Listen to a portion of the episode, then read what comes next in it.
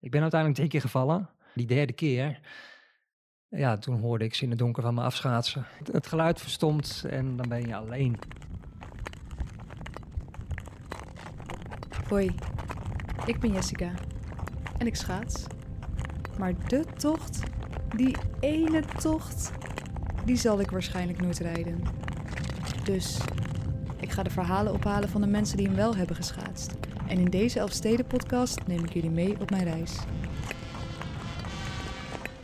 Ruim 5200 deelnemers, jongen en ouderen uit alle provincies, zijn te Leeuwarden bijeengekomen om de traditionele rit langs de Friese Elfsteden te rijden. Hier in Hinderlopen moeten de rijders een stuk klunen, zoals heel Nederland nu weet. Overal wordt de doorkomst van de toerrijders tot een feest gemaakt.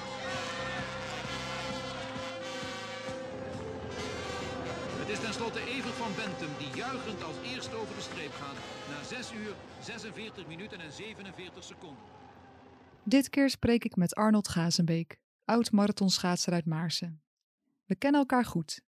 Het had niet veel gescheeld of ik was gestopt met schaatsen op mijn achttiende, tot Arnold mij vroeg voor de Utrechtse baanselectie en de wonderenwereld van marathonschaatsen liet kennen.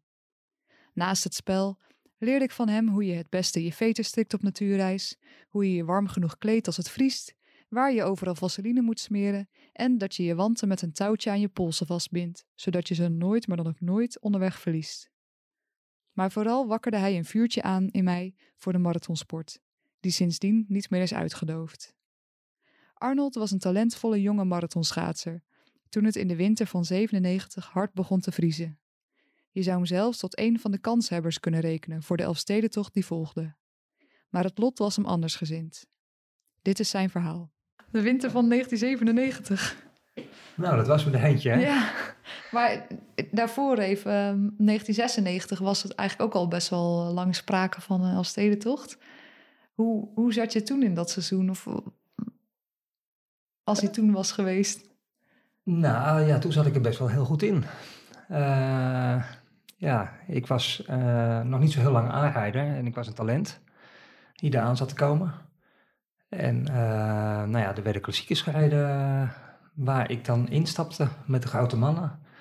Met Hans Pietersen, Arnold Stam, Huytema. Ehm, uit mijn hoofd volgens mij rijden we ook een NK in Erm in dat jaar. Maar dat was een natuurhuisperiode die voor mij toen begon van, uh, nou ja, eerst eens snuffelen aan die grote wedstrijden. En, Want hoe uh, oud was je toen? Ja, 96 was ik uh, 24, Oh ja. 22. Uh, even terugrekenen. maar ja, nog niet zo heel veel ervaring op, op natuurhuis. Ja, in 91 hadden we ook wel wat, 91, 92 ijs gehad. Maar ja, toen die, toen die winter, 95, 96. Ja, dus 96 kwamen dan uh, de, de, de klassiekers. En uh, nou ja, daar sta je dan in, heb je nooit meegemaakt. En die mannen, hè, de oude, oude Huitenberg en de Jos Nieste die al afscheid genomen had, de Jan Kooijman. Ja, die hadden dat meegemaakt en die schaatsten nog in hun laatste nadagen volgens mij ook een beetje in die wedstrijden.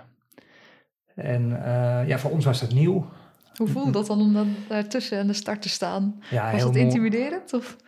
Ja, zeker wel. Ja, er was wel. Uh, je, je, keek sowieso tegen die mannen op, hè? Uh, ja, misschien zit ik wel met de jaartallen fout over van de. Maar, maar ik weet met mijn eerste wedstrijden NK uh, dat ik in de kopgroep zat. 15 man of zo. En dat, dat kalfde een beetje af. En uh, nou ja, er werd je gewoon afgebluft van, uh, hey, uh, ja, ja, Goudsbeek overnemen. En nou ja, als je dat niet, ja, je, je volgde gewoon, volgde je dat op. Van die grote mannen, van een Huytema en een Stam waar je tegenop keek. En uiteindelijk, ja, trek je je vaatje leeg en half koers moet jij lossen. En die kopgroep blijft weg. En nou ja, ik finishte wel kort, maar niet in de kopgroep. Maar gewoon prachtig om mee te maken. En uh, ja, Nederland op zijn kop. En ze hebben je op tv gezien. En ja, plaatselijke kranten schrijven over je. Die nemen je mee, die bellen je op. Uh, plaatselijke radio. Ja, en zo gooi je in dat wereldje. Ja. En dan in 96 uh, ja, het einde van de, de. We hadden de driedaagse van Ankeveen gehad. En eigenlijk werd ik alleen maar beter en beter. En dan later horen via via, echt uh, tien jaar later, van, uh, dat ze achter je in je kont gehangen hebben van... ja, je ging toen wel hard, weet je wel. Zou je niet eens rustiger doen? Oké. Okay. maar dat is jeugdige overmoed. Ja. Dus, dus je, werd je ook echt meteen al gezien als een groot ta talent voor natuurreis? Ja, weet ik niet. Ja, voor op kunsthuis had ik ook wel mijn sporen verdiend uh, met het winnen van uh, de beloftecompetitie, uh, de B-rijders zoals dat toen heette. maar we praten wel over de periode van vaste schaatsen. En dat was een andere tijd. Waar nou ja, jongens die technisch konden schaatsen, die deelden de lakens uit. En daar was ik er één van. Ja. En uiteindelijk ja, haal je allemaal successen, maar als sporter heb je ook heel veel dieptepunten. Ja, dus dus die winter van 96, die eerste kennismaking met al die natuurreisklassiekers en zo, dat was al best wel succes. Ja, want, want het mooie succes kwam toen nog. De ene laatste wedstrijd van die winter uh, was een klassieker in Maasland. Bestaat inmiddels niet meer. Uh, 100 kilometer in Maasland uh, in Zuid-Holland. en nou ja, die won ik. Ja, Henk Angenent werd tweede en die zou een jaar later de Alstedentocht ja. winnen. Oké. Okay. En Huitenberg werd derde. Hulzenbos kwam volgens mij nog ten val. Die zat ook in de top 10. Ja, allemaal natuurhuismannen. En, en ik won daar. Klassieker. Op vaste schaatsen. Ja. Dus ja. Dan, dan komt dus die winter erop. En uh, dan blijft, is het weer koud. En dan wordt er weer gesproken over een Elfstedentocht. Ja. Uh, hoe was jouw aanloop daar naartoe? Want die werd op 4 januari verreden. Ja, Nee, ik was het jaar dat ik won, ik was Maasland was ik ongesponsord. Uh, het jaar daarop zat ik in een grote ploeg, uh, slager, industriële dienstverlening. Ik weet niet of ik sponsoren mag noemen, maar het bedrijf bestaat niet meer. Wij hadden ja, een leuke zomer gehad. Wat tenniskampjes, het wordt allemaal wat professioneler. Ook een leuke damesploeg. Ja, en toen, nou ja, standaard beginnen, Amsterdam, wedstrijd. En Frans was echt een Frans de ronde ja, echt een man van kunstijs. Had ook de cup gewonnen, ook ongesponsord uh, eerder. En bij Slager, uh, ja, wij vlogen erin. Uh, en ja, er waren eigenlijk ploegen die veel meer te zeggen hadden, zeg maar. Wij waren een klein ploegje, maar we, pakten het wel groot aan. En fanatiek. Dus wij, zaten steeds in die kopgroepen en ja, op kunstijs drukten we ons neus aan het venster door, door uitslagen te schaatsen. Ja, en dan, dan gaat het uh, in december vriezen. Ja. ja. Wat gebeurde er toen? Ja, op, de, op kunstijs eh, stond ik bij de eerste tien uh, begin december. En ik weet de datum niet meer, maar, maar het is ergens uh, tussen 10 en 15 december geweest. Ik werkte op de faculteit diergeneeskunde als dierverzorger. en ik melkte daar koeien op een ouderwetse gerupstal. En dat, dat is waar koeien vaststaan. En, en, dan moet je over een groot stappen. En uh, met die zware melkbussen, hè, de, dus uh, je hebt een ketel vol met melk en dan stapte je over. En ja, ik ben nogal een gehaast type eigenlijk altijd geweest met, met dingetjes. En uh, soms overzie je dingen niet. En ik zwikte door mijn enkel. Oh. En dat was nogal een flinke ja. verzwikking. En ja, dat was van grote invloed, want ja, de, de zaterdag erop kon ik niet schaatsen. Uh, en uh, ja, dat begint te kriebelen, want, want het vriest. En, en, je, ja, er wordt gepraat over wedstrijden, over een NK. Op natuurreis? Ja, ja, dus ik, ja, ik, ik werd toen in die tijd wel ja, begeleid vanuit de ploeg. En ja, je, je eigen omgeving uh, met je eigen fysiotherapeut. ja, want wat was er precies aan de hand? Nou ja, gescheurde enkelbanden. Ja van mijn rechtervoet. En uh, ja, dusdanig dat, dat er eigenlijk geen... geen uh, dat liep gewoon door vanaf mijn kuit, zeg maar. Zo, zo dik was die tot aan, tot aan mijn enkel, uh, mijn voet. Ja. Dat geen, paste niet in de schaats? Paste niet in de schaats. En hoe lang was de revalidatie daarvoor normaal gesproken? Ja, weet ik niet. dat zal een standaard iets geweest zijn. En sporters, dat gaat altijd sneller. En je wilt altijd sneller. En zeker als de wedstrijden aankomen. Ja, als de natuurreis aankomt. Ik ja. Zou, ja, hoe zat je er dan... Hoe Ja. zat je dan naar die weerberichten te, te kijken? Ja, heel, heel dubbel natuurlijk.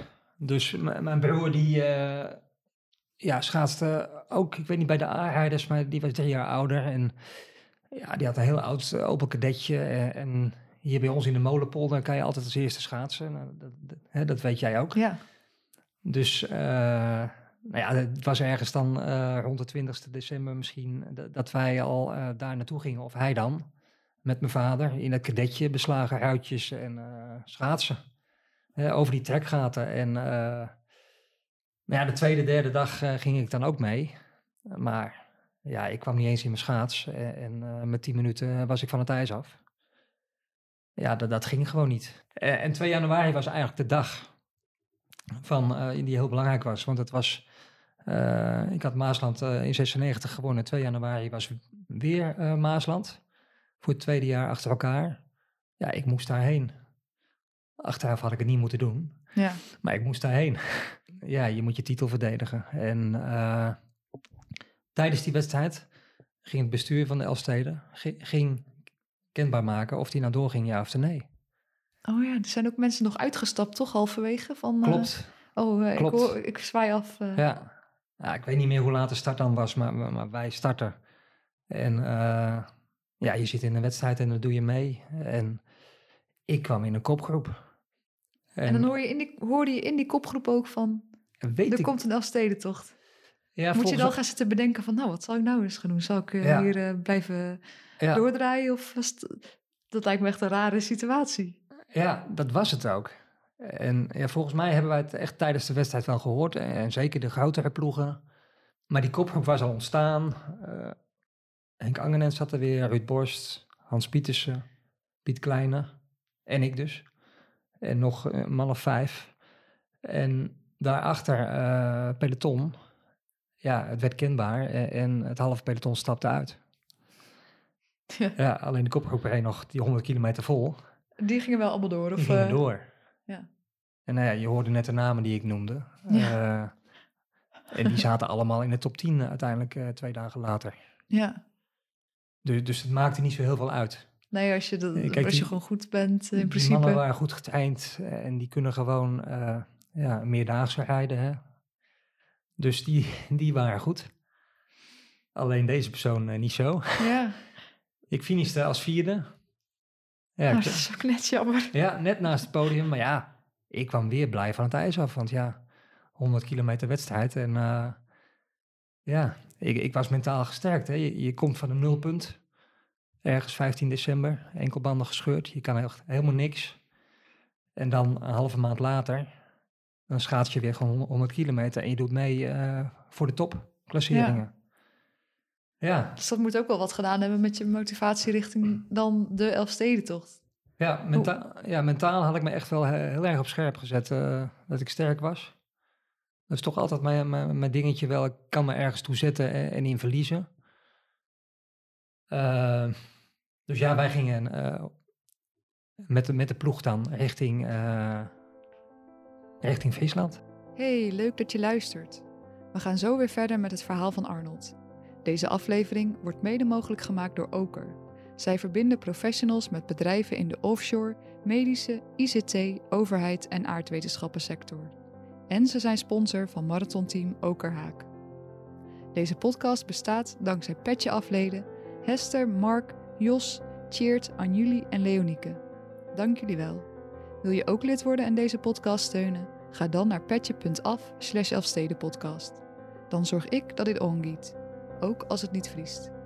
Hoe ging je naar die wedstrijd? Het is wel een andere wedstrijd dan natuurlijk eh, de Maasland of een andere natuur. Het is de Elfstedentocht. Hoe voelde dat ook zo voor jou? Ja, nou ja, Slager, eh, Evert Slager, die, die had dus de, de- hè, een mooie ploeg. Het was allemaal super geregeld, mooie materialen, eh, drie leuke heren bij elkaar, drie leuke dames en een leuke begeleiding. Maar wij, wij gingen dan ja, op, op 3 januari richting Friesland in een hotel. Nou ja, die zaterdag parcours, een stukje verkend, eh, wat iedereen eh, doet. Eh, maar het eerste stuk hadden we verkend. En Het, het donkere gedeelte. ja. Ja. Maar je leeft in een, in een roes. Zo heb ik het ervaren, zeg maar. Totaal niet, niet beseffend dat het iets unieks was. eigenlijk ook alweer gewoon als losstaande wedstrijd, maar wel een hele belangrijke wedstrijd. En ja, ik had me die 2 januari helemaal leeg gereden. Dus eigenlijk was ik ook suf op die eh, 3 januari.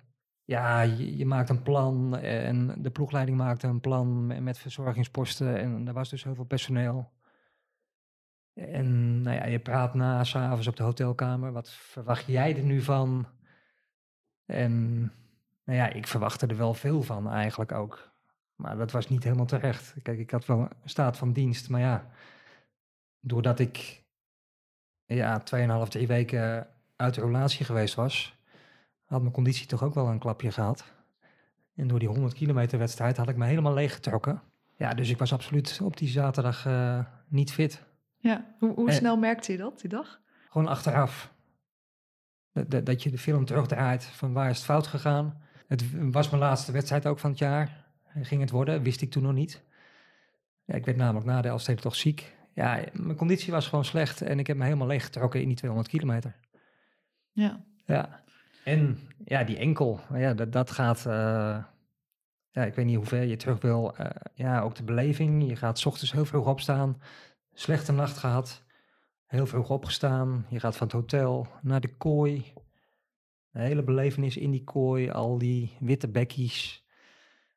Die, die grote mannen die wel wisten waar ze mee bezig waren. En eh, nou ja, dames die dan in de kooi stonden. Journalisten die er omheen hangen. Die half in de kooi hangen. Grote lampen op je. Echt een gekke huis. Eh, kledingstukken die nog om je oren vliegen, die uitgedaan worden. En ja, een gekke huis. Ja. Wim en Betty zeiden van toen in 85 dat ze ook echt al een uur van tevoren eh, in die Ja. kooi stonden en dat dan ook echt dicht ging, omdat ze niet wilden dat mensen wilden Ja, ehm vals spelen. klopt. Dus dat je echt dan een uur lang zenuw zit te lijden in, zo'n, in, in de kooi met z'n allen. Ja, Mensen die nog even in de hoek staan te plassen. En, ja dat klopt. ja, Dat gebeurde. Ik, ik weet zelf niet of ik dat ook gedaan heb. Ik zag wel eh, de dame Smit, Janita en Geita, die stonden vlakbij me in uh. Ja, die konden dat dus niet doen. Maar menig man eh, liep even naar de zijkant van het hek. en, ehm, hè, of een bidonnetje, even snel plassen. Ja, was je zenuwachtig voor dat lopen? Met je enkel ook? Dat je dacht, nou... eh, Nou ja. of, of, of had je daar een plan voor? eh? Ik was niet echt bang voor het lopen. Nee, ik ben wel een goede loper. Maar wel, wel het vervolg daarna. Hoe ga je, ga je een plekje vinden waar je kan zitten? Je schaatsen aan kan doen. Ik had geoefend met mijn schaats aandoen, s'avonds, samen met Ubbo op de hotelkamer. Vetus los, instappen. Nadeel was, ik had een enkelband om, met klittenband. Dan kom je moeilijk in de schoen. En, en dat was dus wel een punt. Volgens mij ging ik als negende, kwam ik eh, bij het ijs als loper. Dus dan doe je het niet slecht. En ik weet niet, eh, gevoelsmatig ging ik eh, als laatste weg. Nou, ik de- denk dat ik wel eh tachtigste, honderdste misschien Ja? al wegging. Ja, ik kwam niet in mijn schaats. Met geen mogelijkheid. Die rechtervoet, ik kon er niet in komen. Dus ik heb daar zitten voeteren en... Oh, nee. Nou ja, ja, en dat, dan ga je wel de wedstrijd verkeerd in. Ja, dat Al. kan ik me wel voorstellen, ja. ja. Maar achteraf gezien heb ik wel heel goed gezeten eh, ja, in dat donker waar je als malle over het ijs eh, vliegt. Eh, nou ja, wel bekend, hè, Fausto met zijn lampje. Die was helemaal verkeerd gereden, toch? Ja, Of, ik zat er eh, niet bij in de buurt, maar, maar ik heb hem wel gezien in het begin. Maar ook andere schaatsers. eh, ik heb heel lang achter Piet Kleine geschaatst. Hoe weet je dat dan? Dat kan je, wel, dat kan je nog wel net zien. Of, eh, aan Nou ja, Piet Kleine, die, die herken je uit duizenden. Ja, En, aan wat dan? dan? Zijn houding of van zijn... Nou ja, hè, zijn rustige slag gewoon. Ja. Mooie afzet. Uiteindelijk zat hij in de kopgroep. Maar ja, het is donker en eh, dat donker zijn, dat duurt eh, heel lang, gevoelsmatig. En waar moet je heen? Ik ben uiteindelijk drie keer gevallen. In het donker. Ja, en drie keer in een scheur gekomen. Met mijn rechtervoet. De verkeerde De voet. verkeerde voet. eh, en dat kon dus niet. Ja, en dan ga je anders schaatsen en je, ja, je gaat eh, de aansluiting verliezen. Ja. Ja, Misschien door de adrenaline voel je niet meteen dat het helemaal pijn gaat doen. Maar je gaat wel een soort van compenseren. Misschien in je slag of zo. Of eh, dat je gewoon heel gek Ja, gaat ik denk niet dat ik de eerste twee keer met die val het gevoeld heb. Eh, en dat je steeds maar weer aanhaakte. En als er nog mannen achter je zaten, maar, maar hè, dan kon je makkelijk aansluiten. Maar die derde keer, ja, toen hoorde ik ze in het donker van me afschaatsen. Ik heb nooit meer die aansluiting gemaakt. En dan Ja. ben je... Je hoort het echt. Je ziet het Ja. niet gebeuren, maar je hoort ze, het, het geluid langzaam. Of Ja. eh, verstommen het- of zo. eh, het, het geluid verstomt en dan ben je alleen. dat lijkt me echt zo gek. Ja, en dat, dat is echt... eh, ja, Wat- bizar. Dat is even slikken. Maar, maar het is lang geleden, maar, maar je hoort stemmen aan de kant. eh, je zit, eh, nou ja, hè, dat Snekenmeer en, en allemaal. Ik weet niet allemaal waar het gebeurd is, maar, maar uiteindelijk hoor je dan ook weer achter je mensen die je inhalen. Ja, en dan ben je met z'n drieën. En dan ga je door en dan ja, ga je elkaar sterker maken. En ja, het wordt licht. En aan de kant wordt geroepen van, nou ja, eh tien minuten. Nou ja, Mm. dat is een heel eind. Ja. Ja, en dan, dan uiteindelijk eh, haal je wat mensen in die afgevallen zijn. En nou ja, je zit in een, eh, leuk groepje en je gaat door. Met, met Joeri Lissenberg, eh, dat was een van de eerste die ontzettend aan mopperen was. Nou ja, je sleept elkaar erdoor. Je hebt elkaar nodig, dus, dus je probeert hem erbij te houden. En de Finn, Laurie Palaasma kwam bij mij, René Vergeer. Ja, die zaten bij ons en, en samen doe je het dan met, met z'n achter. Nou ja, dan kom je in, eh, in de stilte soms tussen de hele grote plaatsen waar je niemand ziet. En je komt in de, in de grote steden. Ja, prachtig. Ik heb het niet heel goed beleefd. Omdat je in de wedstrijd zat? Ja, in de, in de wedstrijd, maar ook in, in eh, geslagen positie, zoals dat heet. Waarom zit je daar niet in die kopgroep? En waarom doet die enkel zo pijn? Ja. Eh, en, maar je gaat door. Maar ik heb hem als wedstrijdrijder toen niet super beleefd van, van dit was de Elfstedentocht. En eh, ja, voorlopig komt hij eh 20, 30 jaar niet meer. Nee, dat weet je ook natuurlijk niet van nee, tevoren. nee. Ja, de, je hebt met z'n achter zaten we daar. In, in, in niemands land, zo gezegd. Want voor ons eh, reden twintig mannen. Die, die eh, uiteindelijk de wedstrijd gemaakt hebben. En daarachter eh reed uiteindelijk een, een groep van 50 man achter ons. Op de blikvaart, een hele grote scheur in het midden, zal ik nooit vergeten. Daar heb ik mijn- mijn energievoorraadje nog even leeggetrokken ook. En nou ja, uiteindelijk kom je in Dokkum en eh, vanaf Dokkum eh, heb je wind mee naar huis. En toen, Ja. toen viel het groepje uit elkaar, was het ieder voor zich. En wij waren twee minuten, drie minuten uit Dokkum vandaan.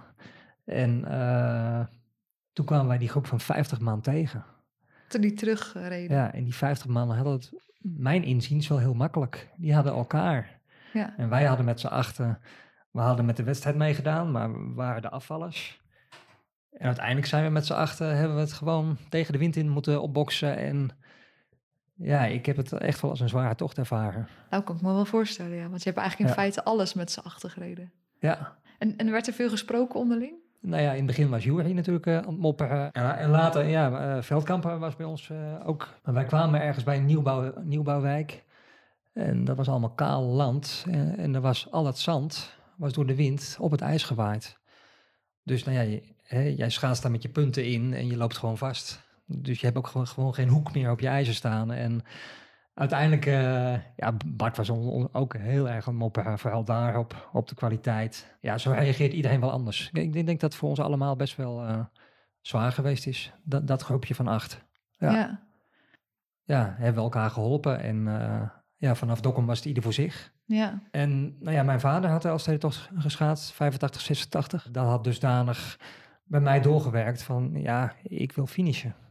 Ja. En toch echt nog niet het besef hebbende eigenlijk eh, van, ja, wat is de Elstede toch nou precies? Maar eh, ja, blij dat ik doorgeschaatst ben. Want, want er zijn ook jongens, eh, die zijn afgestapt. Al word ik er nog wel vaak op aangesproken. Kijk, ja, dan belt er weer eens een journalist van, eh, nou ja, wat denk je ervan? En wordt toch altijd je mening gevraagd. Dus dat ik toen 26e geworden ben.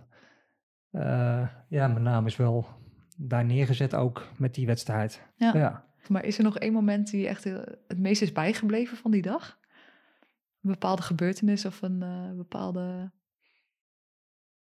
Nou, ja, nee, ja. Niet specifiek, eh, gewoon de, de hele dag wel. Maar, maar ja, bijvoorbeeld nog, eh stempelkaart ligt daar. Eh, die stempelkaart heeft niet alle stempels. Eh, er zaten stempels op mijn pak. En ik ben daar uitgeput op een bankje terechtgekomen. En ja, uiteindelijk zit ik daar en heb ik die laatste stempel niet gehaald. Maar die heb ik uiteindelijk wel gehaald. Ik wou Eh, zeggen, hebben we hier nou een soort... eh, Nou ja, een bekentenis. Ik, ik, ik, ik heb een kruisje en het is verjaard dat ze me afnemen. Nee, ik ben gefinished. maar ja, uiteindelijk ben ik dan wel ehm, eh, onder de begeleiding van, van die slagermannen, die begeleiding, naar die stempelpost gegaan. En daar zeiden ze van, nee, we zijn gesloten. En ik was natuurlijk eh, best wel bleu. Dan had ik eh afgedropen. Maar ja, ik weet niet wie erbij was. Maar ja, die, die werd daar een beetje boos over. En eh, die zegt van nee, hij, heeft al een half uur hier gezeten. En hij moet zijn stempel hebben. Ja. En ik kreeg die laatste stempel. Ja, terecht natuurlijk. ja. En heb je nog lang gedacht van, nou, die volgende, die is voor mij? Of de hoop gehad van, ik krijg weer zo'n winter? Ja, dat laatste verhaal. Je, je hebt de hoop dat je nog weer een winter krijgt. Niet direct eh, het winnen. Je, je bent gewoon je sport aan het beoefenen. En iedere wedstrijd die komt, probeer je goed voor de dag te komen. Eh, maar die echte Elfstetel kwam niet meer. Nee. Nee. En hoe voelt dat? Ja, hoe voelt dat? Want ben je er ooit klaar voor? Jij zegt van ja, zou je willen winnen? Of eh, natuurlijk wil je hem winnen. Maar je moet ook realistisch zijn. Maar ja, we gaan hem wel schaatsen als hij nog komt. Eh, maar als ik met de wedstrijd meedoe, dan, dan hoop ik ja, stiekem op het scenario Rijn Jonker. Eh, en dat is gewoon dat ik, dat ik dan leuk nog eh, naar een top 50 klassering kan schaatsen. En eh, nou, ik ben net geen 50 jaar dan. Het hangt er gewoon vanaf van, ja, hoe gaat het zijn? Hoe, hoe is de ijskwaliteit? Hoe is de wind? Hoe gaat het wedstrijdverloop zijn? Kijk, kijk als, een, als mallen erin vliegen, dan is deze man heeft geen snelle vezels meer. ja, dan heb ik in het begin heel zwaar. En kijk, als je aan het elastiek zit, ja, dan hoef ik geen hoop te hebben. Maar stel, ja, na 150 kilometer zit ik dan nog eh, in die top eh, 50 eh, te rijden. Ja, dan, dan eh, finish ik hem ook in die top 50. Ja. Dat weet ik wel. Dan ben ik daar niet meer bang voor. Nou, Ja. mooi. Dankjewel voor Super. het mooie verhaal. Ja, ik vond het ook leuk. Vet Dank- leuk. Dankjewel, Jessica. Nog altijd schaatst Arnold marathons, tegenwoordig bij de Masters. Als er deze winter een Elfstedentocht komt, is hij erbij. Bij de wedstrijdrijders. Dan hoopt hij op een kunstje zoals de taaie Rijn Jonker, de 46-jarige veteraan die hem op de bonkenvaart nog met een stel rake klappen inhaalde, vlak voor de eindstreep. Eén ding weet hij in ieder geval zeker. Hij stapt niet zomaar af. Wil je de podcast steunen? Word dan lid via petje.af slash. Abonneer je op de podcast in je afluister-apps, dan krijg je een seintje als er een nieuwe aflevering online komt. Of volg Elfsteden Podcast op Facebook, Instagram en Twitter. Tot gauw!